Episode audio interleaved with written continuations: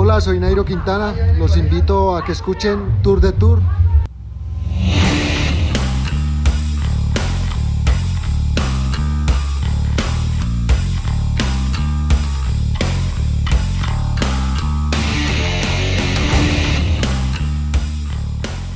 Kolejny dziennikarski sabat Tour de Tour. Kolejny sabat rozpoczynamy w tym samym składzie, bo Kamil Wolnicki chyba ciągle nie odebrał z warsztatu jeszcze swojej miotły, a my się tradycyjnie, punktualnie zlatujemy. Jest Arlena Sokalska. Witam Cię, Arlena.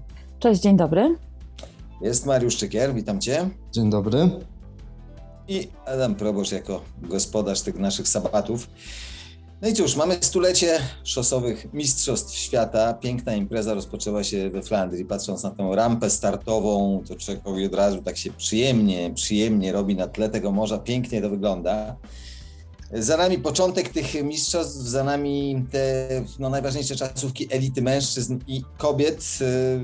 Yy, zwycięstwa, no myślę, że tutaj niespodzianek specjalnych nie ma, ale walka była naprawdę piękna. Arlena, tobie jak to się podobało?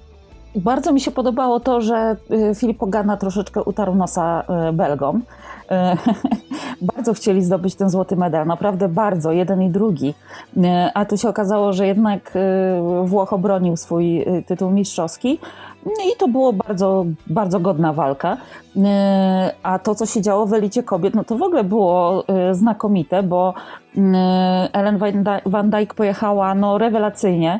E, wygrała w końcu z tą swoją taką wielką, wielką rywalką, czyli tą e, Marlen Reusser, e, no i pokonała Annemiek van Vleuten, co też koleżanka z drużyny, ale to też jest jednak wyczyn pokonać na czasówce taką zawodniczkę.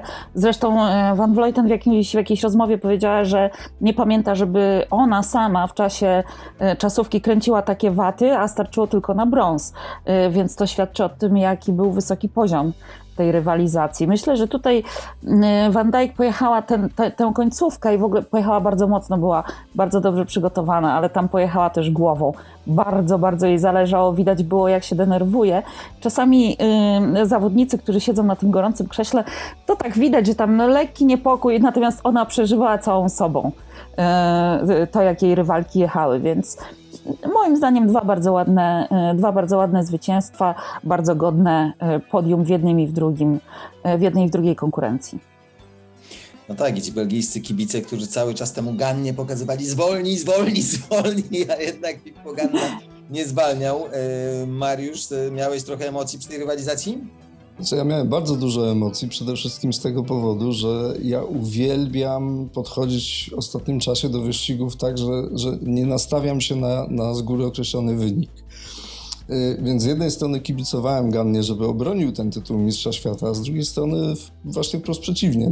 Liczyłem na to, że Wout van Aert no, pokaże tutaj taki pazur, że, że, że, że, szarpnie jeszcze ten tytuł, bo, bo właściwie no poza olimpijskim złotem, to, to, to, to, tylko tego mu jeszcze w tym roku brakowało.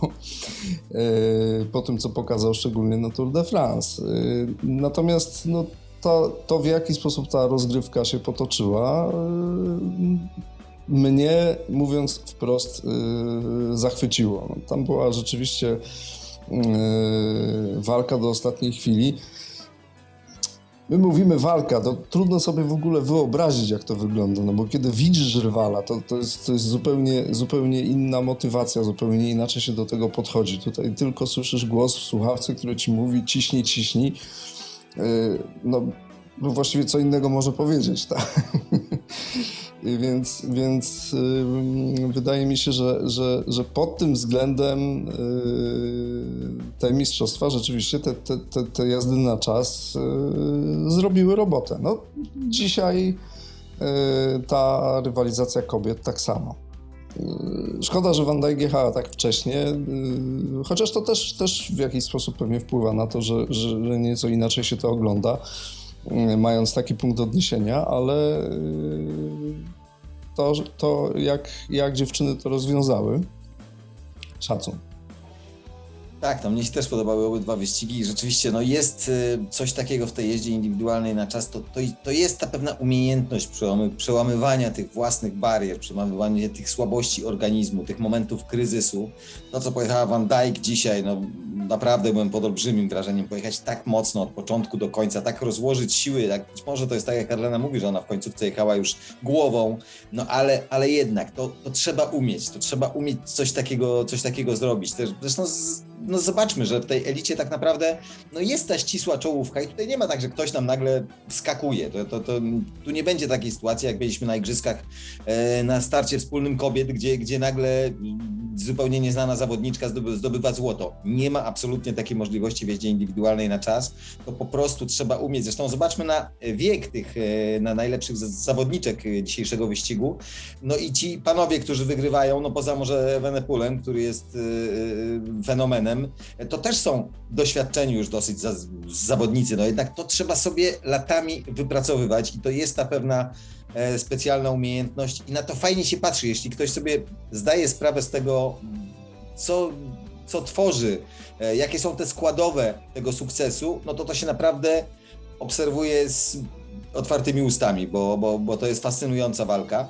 No ja też myślę, że, że Van Aert, y, no po tym, co zrobił na Tour de France, właściwie wszystkiego się można po tym facecie spodziewać. On może, ja myślę, że on spokojnie pozostaje głównym kandydatem do zwycięstwa w wyścigu ze startu wspólnego, zresztą do tego pewnie jeszcze przejdziemy, e, ale tutaj pokazał, no, że, że, że liczył się, liczył się w tej walce o złoto i naprawdę Ganna musiał tutaj wykonać mocną bardzo pracę, żeby, żeby to złoto wywalczyć.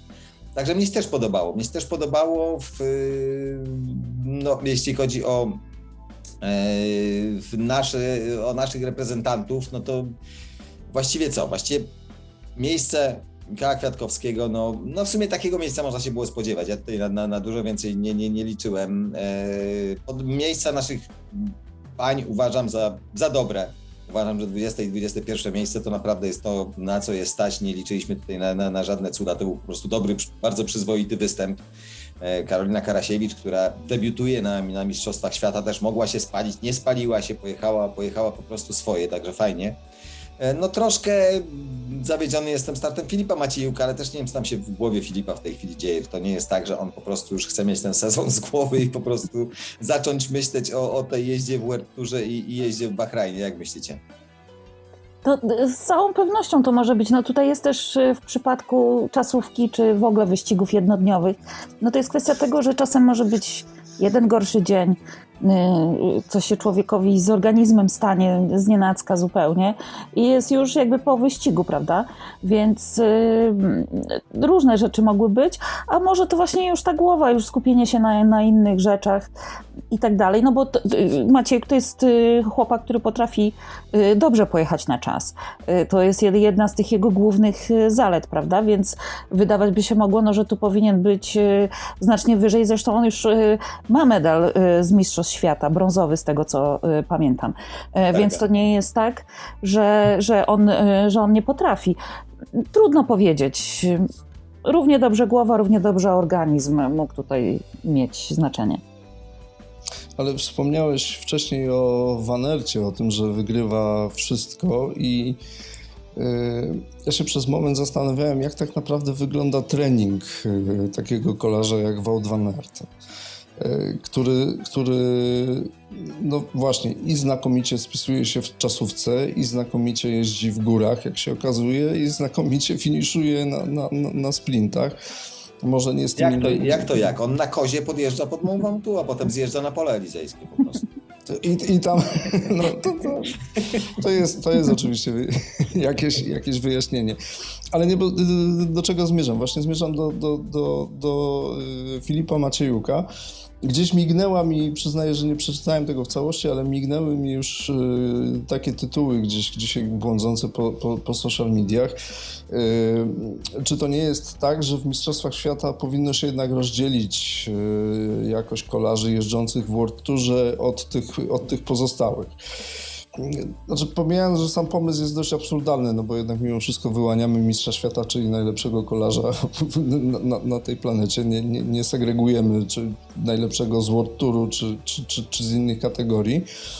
Zresztą jak pokazała e, czasówka dzisiaj w, e, u Orlików, no to tam Juno X to nie jest zespół World Tourowy, a w pierwszej piątce mieli dwóch kolarzy, jeśli się nie mylę, więc więc, więc to chyba nie, nie tędy droga, ale właśnie wracając do Maciejuka, się cały czas zastanawiam, czy, czy, czy jednak jego wyników nie zobaczymy tak naprawdę dopiero właśnie kiedy zacznie jeździć w World Tourze, kiedy zacznie inaczej pracować, inaczej trenować. No bo z całym szacunkiem dla Leoparda, no to, to, to, to chyba jeszcze nie jest ten, ten poziom, żeby, żeby, żeby go wbić yy, tak wysoko. I z drugiej strony jest też, jeszcze, jest też potwierdzeniem tego, o czym mówiliśmy tutaj już wiele razy i co ostatnio często wraca na agendę, czyli to, że jednak yy, tam, gdzie mamy dobrych juniorów, tak, tam za chwilę mamy dziurę yy, na poziomie orlików, że, że ten poziom, nie chcę powiedzieć spada, no ale nie rośnie. Natomiast świat w tym momencie idzie do przodu. Bryce Petersen, który wygrał dzisiaj czasówkę Orlików, e, pierwsze co powiedział, to powiedział, że dziękuję ludziom, którzy stworzyli w jego kraju system, dzięki któremu po prostu zawodnik po zawodniku jakby napędzają się nawzajem, e, e, kolejne tytuły Mistrza Świata zdobywają. Po prostu to jest cały system. On mówił, on mówił o, o pracy nad technologią, on mówił o pracy nad pozycją, e, on mówił o treningach. Widzimy, co robią torowcy duńscy w drużynie, więc tutaj rzeczywiście to jest pewna systematyczna praca, która daje takie, a nie inne owoce. A u nas, no to jest jednak kwestia troszeczkę przypadku. No jest talent, uchowa się, no to będzie wygrywał. Nie uchowa się, no to nikt się właściwie nie zajmie tym, żeby go, żeby go oszlifować, bo, no bo znowu to już o mówiliśmy, mamy dziurę w kategorii U23, nie ma e, żadnego teamu i tak dalej. E, więc e, no, jest jednak pewien system. To, co zrobili kiedyś Brytyjczycy, to, co, to, co zrobili Duńczycy, system daje, daje wyniki. Ale pamiętacie, o czym rozmawialiśmy po Igrzyskach Olimpijskich? Tak jak, jak, jak podsumowywaliśmy występy naszych torowców, to dużo mówiliśmy o tym, że, że to, co się działo na całym świecie, to w momencie, kiedy, kiedy pandemia zamknęła tak naprawdę tory i, i, i było trudno rywalizować, to w wielu krajach, gdzie oni osiągają rzeczywiście najlepsze wyniki, była wewnętrzna rywalizacja, której u nas po prostu nie ma. Tak? I, I, I, tutaj jakby na szosie i w tej kategorii potwierdza się dokładnie to samo. No już pomijając oczywiście, że, że nie uczestniczymy w tych, w tych wyścigach, nie zdobywamy punktów, mamy jednego kolarza w tej, w tej, w tej konkurencji, no to, to trudno też mówić o jakiejś, jakiejś wewnętrznej rywalizacji ale to wszystko się przekłada na to, że, że na koniec dnia rzeczywiście no, mamy jakiegoś rodzynka, na którego chuchamy i dmuchamy, ale on się też y, przez to, przez, w tych cieplanianych, w cudzysłowie warunkach, on się nie rozwija. Słuchajcie, y, to jest też taka kwestia, że ten wiek Orlika jest, y, któryś z trenerów mi to mówił chyba, kolarskich, że to jest taki najtrudniejszy wiek w ogóle, dlatego że junior, no to junior, wiadomo, dzieciak, a to jest ten moment, y, kiedy y, zawodnik musi sobie jasno postawić sprawę i pomyśleć o tym, że to będzie jego zawód, po prostu. To, to, to, kolarstwo.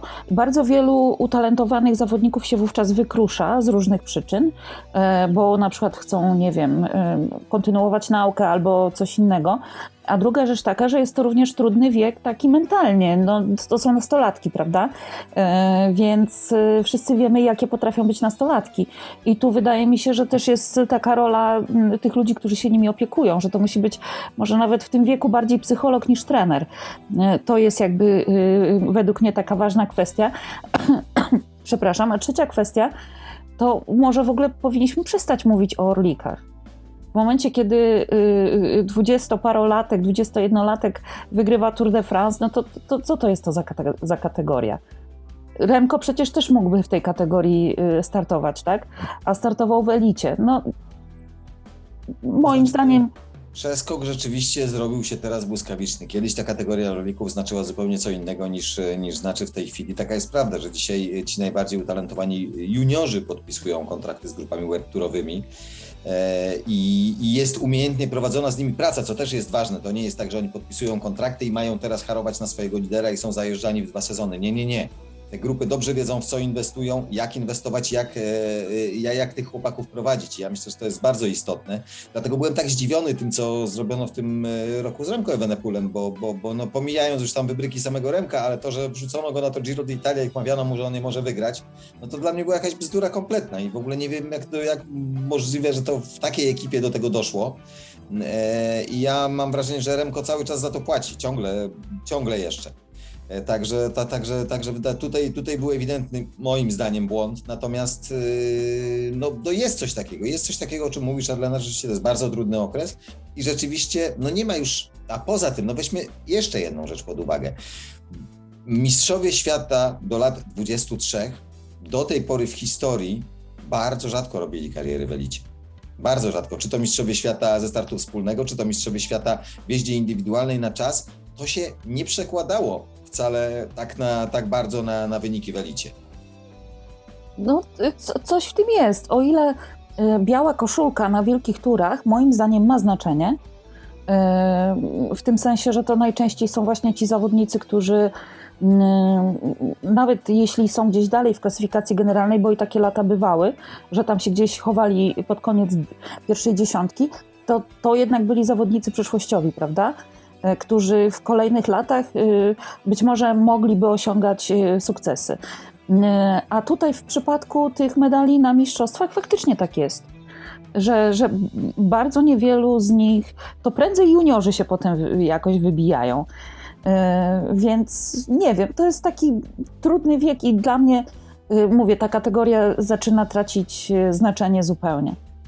No, z tym zastrzeżeniem, że przy wielkich turach to jest, to jest jeszcze ten próg przesunięty o te kolejne dwa lata, tak? bo mamy tam do 25, 25 tak. roku życia. Natomiast nie wiem, czy pamiętacie którąś z naszych rozmów, nie wiem, dwa albo nawet trzy lata temu, jeszcze w zupełnie innym miejscu i okolicznościach przyszło nam się spotykać. Pamiętam, że rozmawialiśmy na temat Remco Evenepoela i ja podzieliłem się wtedy takimi wątpliwościami, czy to jest rzeczywiście, yy, po pierwsze, czy on mentalnie wytrzyma yy, tą presję bycia nowym Edim Merksem, którą wszyscy na siłę na, chcieli na niego narzucić. A po drugie, czy to nie jest też przypadkiem yy, te jego znakomite wyniki, które wtedy osiągał, czy to nie jest po prostu efekt takiego przyspieszonego, nierównomiernego rozwoju?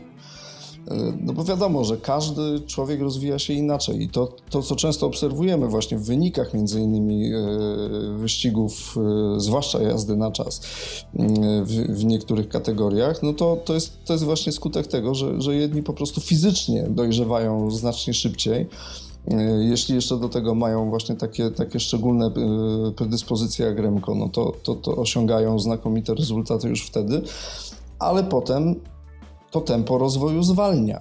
Nie chcę powiedzieć, że się zatrzymuje, tak? ale, ale, ale wymaga zmiany sposobu pracy, zmiany sposobu treningu, zmiany bardzo wielu innych elementów.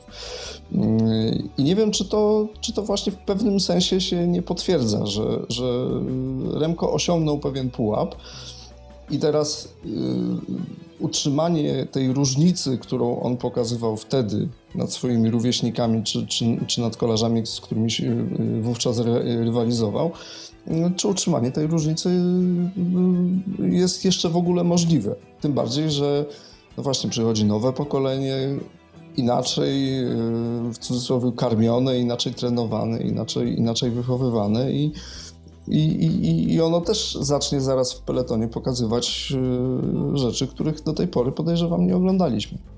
Tutaj w przypadku Remka, no to jednak ja cały czas uważam, że znaczenie ma jednak ta jego kraksa. E, minął już prawie rok, e, ale to była bardzo poważna kraksa.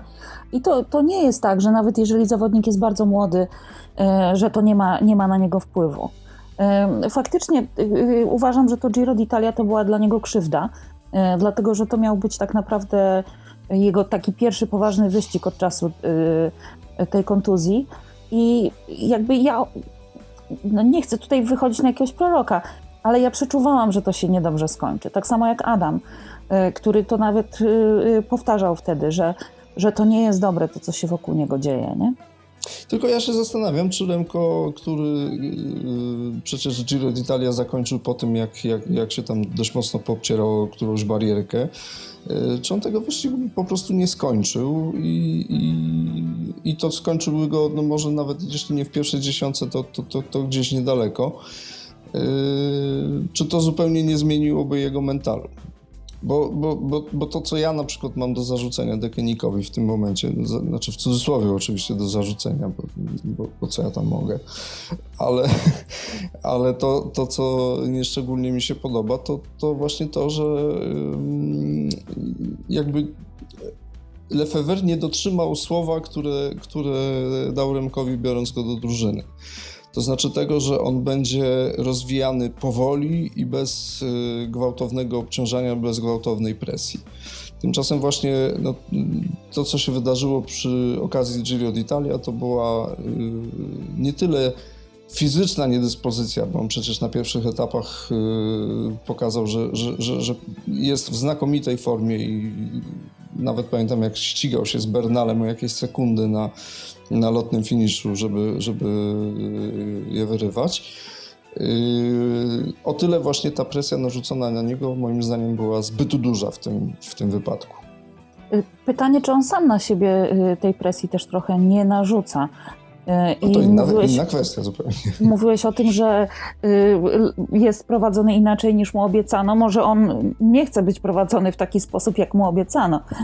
Tutaj też jego ambicja może mieć znaczenie. Natomiast mnie się wydaje, że on to Giro jednak no, troszeczkę głową y, też przegrał, bo pamiętacie te jego nerwowe gesty wobec Almeidy, prawda, na jednym z etapów. Nie było to ani miłe, ani dojrzałe po prostu. Tak, tak, to był, jednak to jeszcze był ten etap po szutrach, po szutrach tak. gdzie wyraźnie, wyraźnie zostawał. E, no, ja myślę, że jeszcze musimy pamiętać o jednej rzeczy. Musimy pamiętać o tym, o jakim kraju mówimy. Mówimy o Belgii. Mówimy o Belgii, która jest dzieprznięta na punkcie kolarstwa i rzeczywiście tam każdy nowy talent jest okrzykiwany drugim Merksem. I widzieliśmy, ilu kolarzy już sobie z tym nie poradziło i my to myślę w dużym stopniu psychicznie sobie właśnie nie, nie, nie poradziło. Vandenbroek tutaj no taki najbardziej jaskrawy przykład, no ale było wielu innych, e, którzy też wydawało się, że mają papiery na ściganie a gdzieś głowa wysiadała w pewnym momencie, no bo jak masz cały czas tą presję bycia drugim Merksem, e, w takim kraju, który rzeczywiście, no, gdzie, gdzie, gdzie, gdzie to jest religia, no przecież oni sami mówią, że, że, że to nie, nie Wielkanoc jest tym świętem, tylko wyścigi, które się wtedy odbywają. Więc, e, e, więc w tym kraju Trudno jest, trudno jest takiemu młodemu chłopakowi zachować zimną głowę i, i być zdystansowanym do tego wszystkiego, mówić nie, nie, ja tu spokojnie, ja mam talent, ale ja powolutku. Będę się rozwijać. Nie jest, to, nie jest, to nie jest łatwe, szczególnie jeszcze u chłopaka, który jakby do, do tej pory wygrywał tak jak chciał, no strykał i, i odjeżdżał wszystkim, a nagle zaczyna przegrywać. No ja ostatnio my, my obserwowałem też to w kolarstwie górskim, była taka dziewczyna Loana Lacombe, która w czterech pucharach świata nagle pierwsza, pierwszy rok w elicie odjeżdża od startu, po prostu jeździ sama, po czym przychodzą igrzyska, bang, dostaje w łeb, spala się, przegrywa i od tego czasu to już nie jest ta dziewczyna.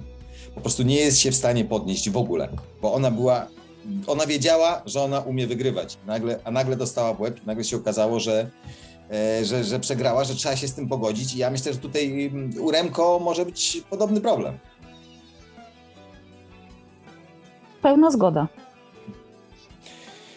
No dobrze, no ale to dobrze, przeszliśmy już do Remko, to może przejdźmy w takim razie do wyścigu ze startu wspólnego. Czego się spodziewacie po tych wyścigach ze startu wspólnego, poza tym, że będą, będzie dużo, dużo ludzi przy trasie i będzie atmosfera wielkiego kolarskiego święta? No, będzie Flandria po prostu. Tak. Ja zawsze lubię wyścig dookoła, Tour de Flanders który y, ma taki swój niesamowity klimat, związany właśnie z tym, że tam są, no w ostatnich latach nie, ale że tam po prostu są dzikie tłumy, naprawdę dzikie tłumy, y, z tymi fajnymi takimi flagami, y, z takim czarnym gryfem na, na żółtym tle. Wygląda to, to przebajecznie.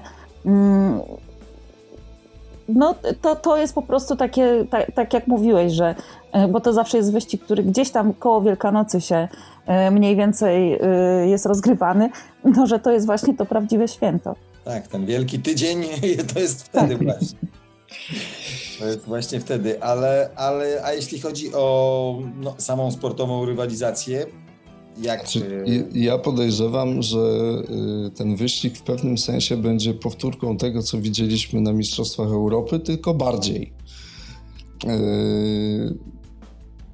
z jednej strony bo tak się zastanawiałem, jakie mogą być scenariusze. I z jednej strony oczywiście to jest dużo dłuższy wyścig, to będzie ponad 260 kilometrów, więc jego nie można rozegrać tak, że, że, że, że jedziemy od razu full gas i, i, i zobaczymy, co się stanie.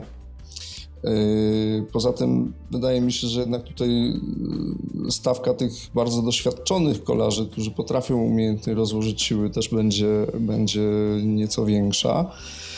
Ale z drugiej strony mm, nie sądzę, żeby ten wyścig, właśnie yy, zwłaszcza po tym, co, co, co widzieliśmy kilkanaście dni temu w Trydencie, mógł się rozegrać inaczej.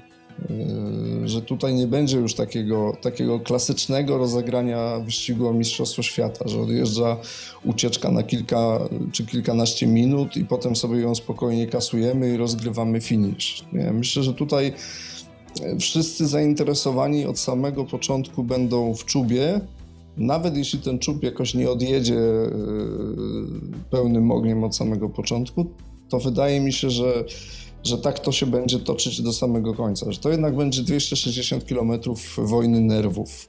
Tak. Nie lubię takich przewidywań, ale, ale, ale tak, tak to widzę oczyma duszy mojej.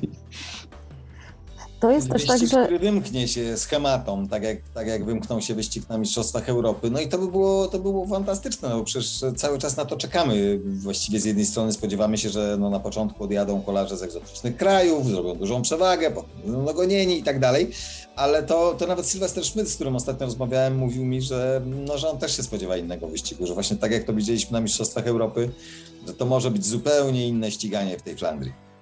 Y, wiecie co, bo to jest tak, y, y, trochę też tak, że to bardzo trudno przewidzieć, co się tak naprawdę stanie, bo my de facto nie znamy przecież trasy tego wyścigu. Jak oglądamy rok w rok klasyki, no to pewne rzeczy są jasne i oczywiste. Z pewnymi oczywiście zawsze um, może się zdarzyć 50-kilometrowy raj Gilberta, prawda, na metę, którego nie dogonią, czy E, kiedyś Bob Jungels w Liège-Baston-Bierz również podobny rajd przeprowadził i zdarzają się takie rzeczy, ale gdzieś mniej więcej ta liczba tych scenariuszy mm, jest nam dosyć znana. Mamy tę książkę tych scenariuszy w głowie. Natomiast tutaj ta trasa jest no, kompletnie, kompletną niewiadomą. Wszystko też jeszcze zależy od tego, jaka to będzie pogoda. Nie sprawdzałam, jaka będzie pogoda, ale przypominam sobie Mistrzostwa Świata w Bergen, gdzie wszyscy się zbroili, bo Bergen to jest podobno miasto, w którym pada 366 dni w roku. E, czyli cały rok i jeszcze jeden dzień. I okazało się raptem, że jest słonecznie. I wyścig, który miał być bardzo ciężki, w tym deszczu właśnie bergeńskim, e, wcale takim ciężkim wyścigiem nie był, bo na metę przychodziły duże grupy, tak? Był sprint z peletonu de facto. E, e, gdyby padał deszcz, ten wyścig potoczyłby się kompletnie inaczej. E, I pewnie Sagan by tego wyścigu nie miał najmniejszej szansy wręcz wygrać.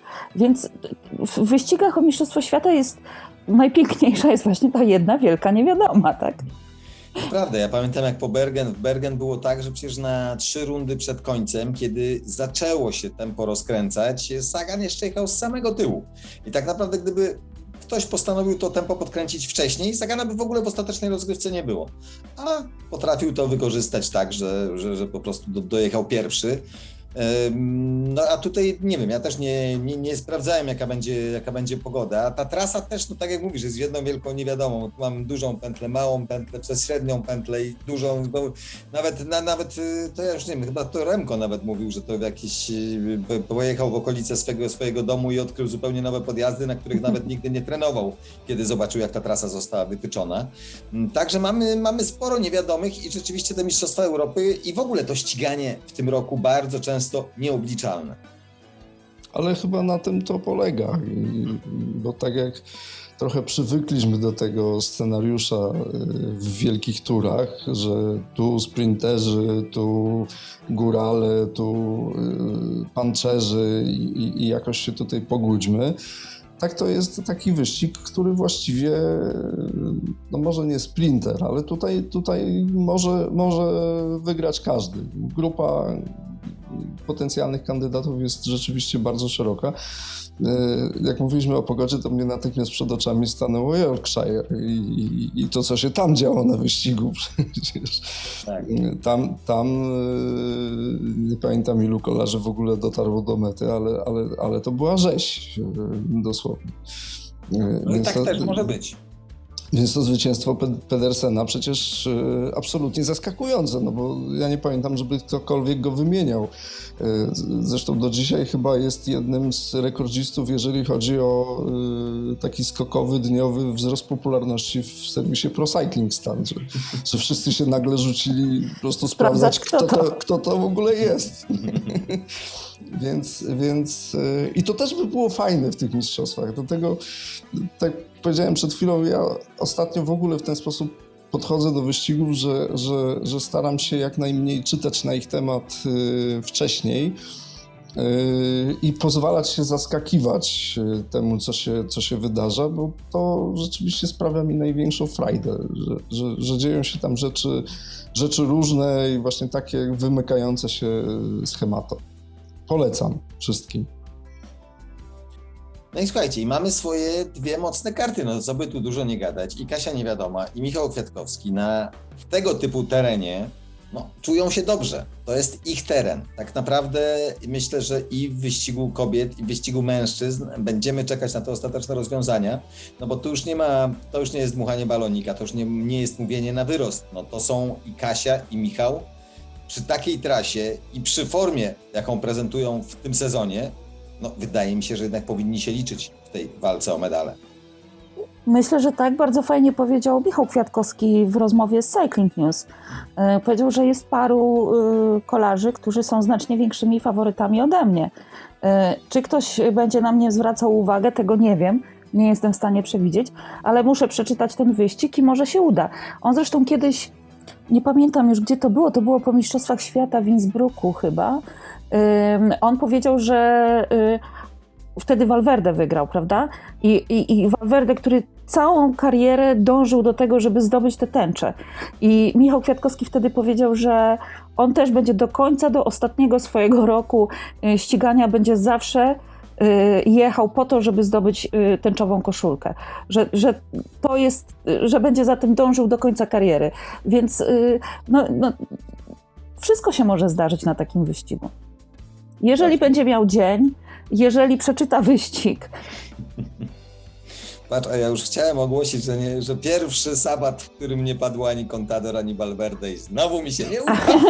A, a właśnie, a propos, a propos Contadora, to chciałam powiedzieć, nawet sobie zapisałam, tutaj mam zapisane dwa nazwiska na karteczce, żeby nie zapomnieć. Valverde Jedno to, nie, Valverde to pamiętam, ale żeby powiedzieć o tym, że Alberto dotarł do Mediolanu, zrobił to, co obiecał, to znaczy przejechał wtedy, kiedy y, zawodnik z jego, y, z jego drużyny wygrał etap na Giro d'Italia. On obiecał, że pojedzie z Madrytu do Mediolanu na rowerze z grupą taką fajnych znajomych, czy tam innych takich zawodników. Dojechał, przyjechał, zrobił sobie zdjęcie, ale chciałam powiedzieć o tym kontadorze, bo Małgosia Jasińska zapowiedziała, że 27 września rusza z Luki do swojej rodzinnej miejscowości, której nazwa mi wyleciała z głowy.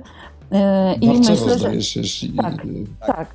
I, I, na dodatek będzie to taki miało cel charytatywny.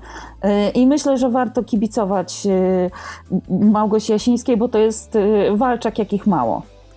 Tak, tak, tak, to ja zdecydowanie, ja też to o tym chciałem przypomnieć, tylko jeszcze teraz chciałem spojrzeć, przypomnieć sobie na jaką, pamiętacie na jaką to stronę trzeba wejść? Znaczy jak ktoś wejdzie na profil e, Gosi Jakińskiej, to pewnie znajdzie. Znaczy z informacji, które mi Gosia przysłała wynika, że ona dopiero zakłada tę stronę, więc yy, to no, Ale myślę, jest... że na, na, na, jej profilu wszystkie informacje będą. Tak, tak, tak. To, tak, że... ona, ona to wrzuca... Rowerem na... do marzeń to się nazywa tak generalnie. Tak, tak. Ba bardzo fajna inicjatywa i, i, myślę, że trzeba jej kibicować. I zawsze, przy okazji, zawsze, tak, zawsze, tak, tak zawsze. Tak, że, że zawsze, zawsze jej bardzo mocno kibicowałem. Tak, a przy okazji jeszcze można, e, bo tam jest zrzutka, już jest w tej chwili założona i można y, się dorzucić. Patrzyłam dzisiaj, było 250 zł, więc na razie mało, no ale myślę, że to się rozkręci. Nigosia napisała, że w gravelu się zakochała. No właśnie. Nadła na gravela i miłość od pierwszego wejrzenia. To jest właśnie to, czego się obawiam, że to się później kończy budżetem bez dna. Ale wracając jeszcze, słuchajcie, do, do, do wyścigów na Mistrzostwach Świata, to ja przyznam szczerze, że mam jedną obawę. Znaczy z całej siły y, trzymam kciuki i za Kasię, i za Michała. Natomiast jakoś y, od którejś naszej ostatniej rozmowy dźwięczy mi w głowie, dźwięczą mi w głowie te słowa Kamila, który, który mówił, że, że Michał y, i w Imoli, i w Tokio y, jechał wyłącznie z myślą o zwycięstwie, y, nie biorąc pod uwagę innego scenariusza. I trochę mam taką obawę, że, że, że rzeczywiście nie wiadomo, co się tutaj wydarzy i, i, i żeby to Michała jakoś, jakoś nie wyłączyło. No, ale zdaję, zdaję sobie sprawę, że to jest... Babka wróżyła, albo, albo wygrasz, albo przegrasz, no. No tak, tutaj właściwie nie ma, nie ma innej możliwości. Bardziej mi chodzi o to, że, że yy, no, mimo wszystko medal Mistrzostw Świata yy, to też jest, to też jest yy, duże osiągnięcie. E, oczywiście życzę Michałowi tej tęczy drugiej z, z wszystkich sił, natomiast no, cały czas mam właśnie taki, gdzieś, gdzieś to rezonuje we mnie, że, że, że, że yy, jeżeli nie wyjdzie ten, ten, ten cel podstawowy, no to gdzieś pod koniec jednak Michał puści korbę. Oby nie. No, w, w zeszłym roku Fimoli był czwarty. Tak. Więc było tak, o tak, tak. medalu, nie? Więc to, to, to też nie jest tak. Mnie się wydaje, że to też zależy od tego, oczywiście jak się ten wyścig ułoży po prostu. I, i jasne, że on jeździ w bank, tak? Bo tak pojechał na igrzyskach. Um, bo bardzo mu zależało też na tym złotym medalu, o czym wiemy. Natomiast czy na Mistrzostwach Świata pojedzie aż tak bardzo Wabank? No, Wabank pojechał w Ponferadzie. Tego się... Więc właśnie, więc właśnie o to chciałem przypomnieć, że tam było absolutne wabank. Tam było absolutny wabank od początku do końca. Tam było od początku powiedziane, kto co ma zrobić, a Michał ma to wykończyć i po prostu no wszystko zostało na jego barkach i jak widzieliśmy, uniósł to w sposób fantastyczny. E, więc ja, ja trochę rozumiem postawę Michała. No ja rozumiem sportowców, którzy idą w bank, bo po prostu albo walczysz o najwyższe cele, albo wiesz, no jeżeli już byłeś mistrzem świata, no dobra, no srebro, brąz, kibice się ucieszą i tak dalej, to zawsze jest fajne, ale jednak, no, no jednak, jednak ja, ja rozumiem doskonale Michała, że jego interesują najwyższe cele. Słuchajcie, no Van Dijk dzisiaj też poszła w bank. Tak. Bo równie dobrze mogło się to skończyć tak, że osłabłaby w końcówce, prawda?